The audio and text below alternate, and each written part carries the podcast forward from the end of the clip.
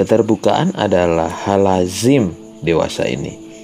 Ada hal yang dulunya pribadi, sekarang jadi hal umum.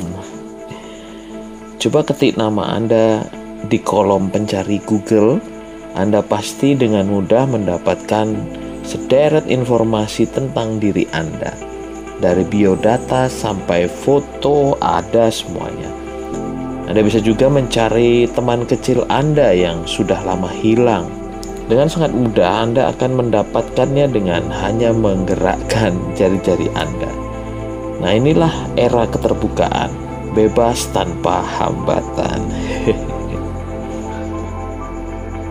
Namun hal ini pasti ada plus minusnya.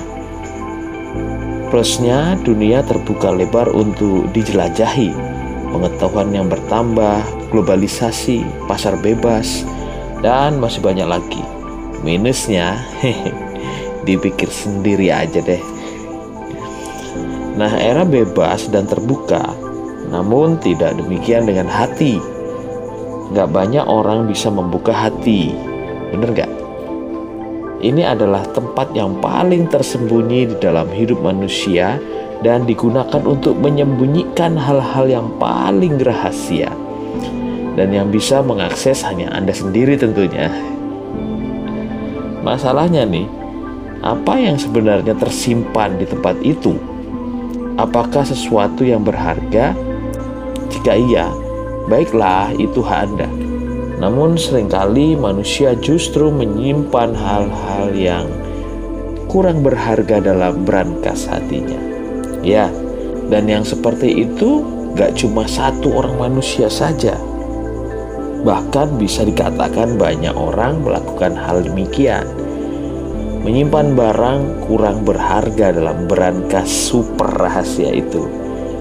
Menurut survei, kalau boleh saya sebut nih, dari hal yang paling tidak layak namun ditemukan berada dalam perbendaraan harta simpanan di hati manusia, yaitu kepahitan, luka batin, dan dendam tiga besar yang sering kali di waktu-waktu tertentu Anda datang dan membuka berangkas itu dan Anda mulai kembali melihat-lihat hal buruk itu. Kemudian Anda mulai menikmatinya dan membawa serta ke dunia pikiran Anda.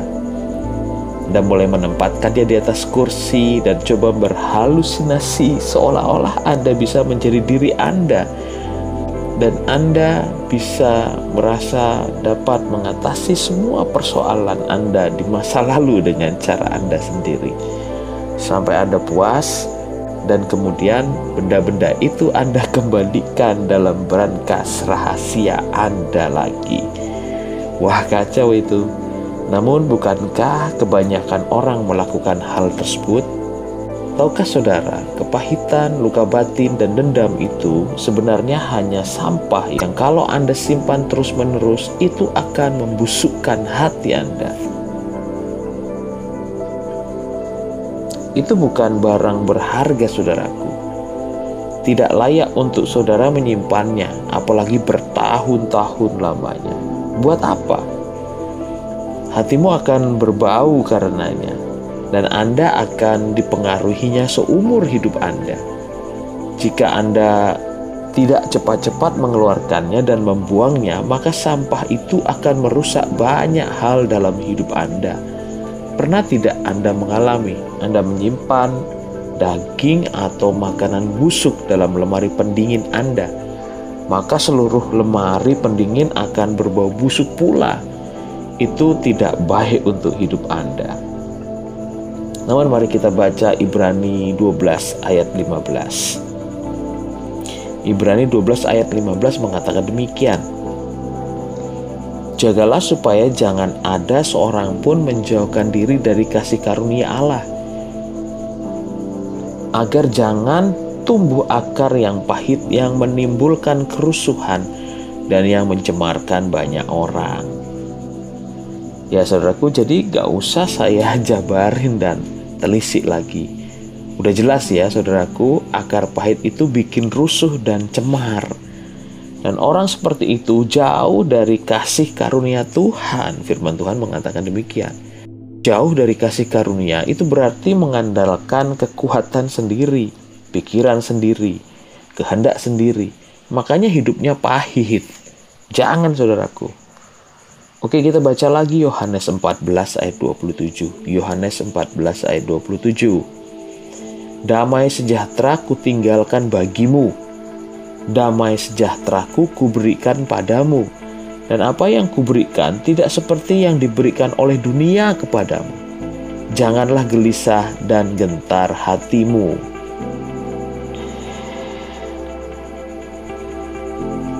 Kenapa kita terus-menerus menyimpan barang tidak berharga dalam hati kita? Simpanlah pemberian Tuhan ini, yaitu damai sejahtera. Kalau Anda tidak melepaskan kepahitan Anda dan mengampuni, maka Anda tidak akan sembuh dari luka batin dan dendam. Jadi, kalau Anda masih menyimpan barang tidak berguna itu, mana mungkin damai sejahtera bisa tinggal dalam hidup Anda? Buang yang dari dunia ini dan tukar dengan yang dari Tuhan, maka Anda akan merasakan tentram dan tenang yang tinggal dalam hidup Anda. Semoga firman Tuhan ini menerangi jalan-jalan kehidupan kita semuanya.